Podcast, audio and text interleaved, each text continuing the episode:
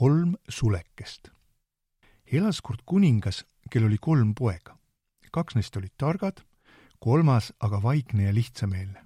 teda hüüti lollpeaks. kui kuningas jäi vanaks, mõtles ta, millisest pojast saab troonipärija. ta ei suutnud aga otsustada, sest armastas kõiki ühtviisi. siis ütles ta endale, ma annan neile ülesande ta lasi pojad enda juurde kutsuda ja lausus. see, kes toob mulle kõige ilusama vaiba, saab riigi endale. seejärel läks ta rõdule, puhus lendu kolm sulge ja käskis poegadel minna sinna, kuhu suled lendavad. üks sulg lendas paremale, teine vasakule ja kolmas kukkus lossi lähedale maha. kaks tarka poega naersid ja asusid kohe teele, üks lääne ja teine ida poole lollpea aga läks lossi ette ning istus kurvalt murule. siis nägi ta äkki enda kõrval kummalist ust. ta tegi selle lahti, ronis trepist alla ja jõudis järgmise ukseni. kui ta sellele koputas, vastati talle. karga ja konnake, roheline neitsike, mine hopsa vaatama, kes ukse taga kolistab. siis läks uks lahti ja lollpea nägi paksu kärnkonna, kelle ümber oli palju väikesi konni paks kärnkond küsis, mida poiss otsib ja too vastas. ma otsin maailma kõige ilusamat ja peenemat vaipa.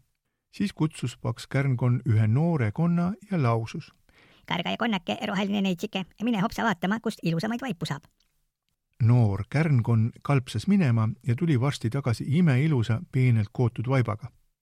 lollpea tänas teda ja läks minema. samal ajal polnud ta vennad üldse vaeva näinud, et ilusat vaipa leida loll peal pole meile midagi vastu panna, mõtlesid nad ja võtsid esimeselt ettejuhtuvalt lamburinaiselt jämeda riidepalaka, et see kuningale viia. isa aga lausus, loll pea tõi mulle kõige ilusama vaiba. temast saab minu järglane.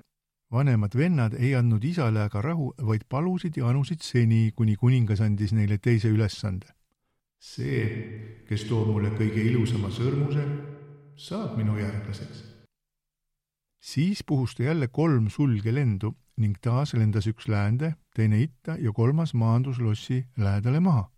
kaks tarka venda asusid kohe teele, üks läände ja teine ida poole. lollpea aga ronis taas alla paksu kärnkonna juurde ja ütles, et nüüd on tal vaja kõige ilusamat sõrmust. kärnkond kalpsas noore konna juurde ja lausus. kärga ja konnake, roheline neitsike, mine hopsa vaatama, too kõigist kauneim sõrmus sa varsti tõi väike kärnkon oivalise kuldsõrmuse, mille sarnast poldud enne ilmas nähtud. loll pea tänas seegi kord ja astus minema.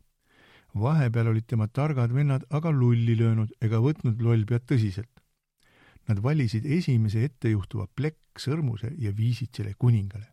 too aga ütles, lollpea tõi mulle kõige ilusama sõrmuse.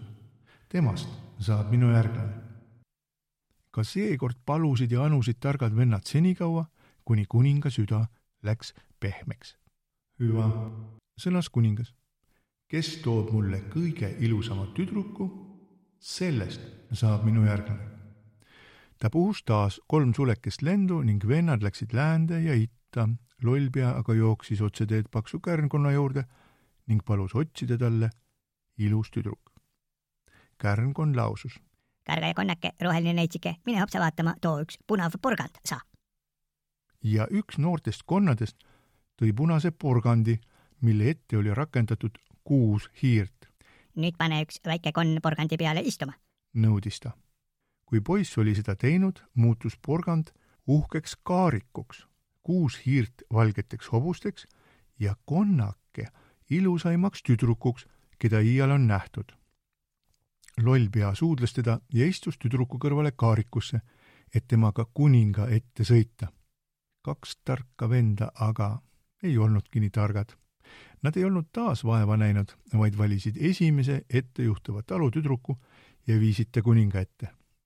siis lausus kuningas, lollpeal on kõige ilusam tüdruk, temast saab minu järeltulija. ja kuidas kaks vanemat venda ka ei palunud ega anunud, ei lasknud kuningas end seekord pehmeks rääkida. lollpea päris riigi ja pidas ilusa tüdrukuga pulmad. pulmas naerdi ja tantsiti ja kui nad veel surnud ei ole, siis tantsivad nad tänapäevani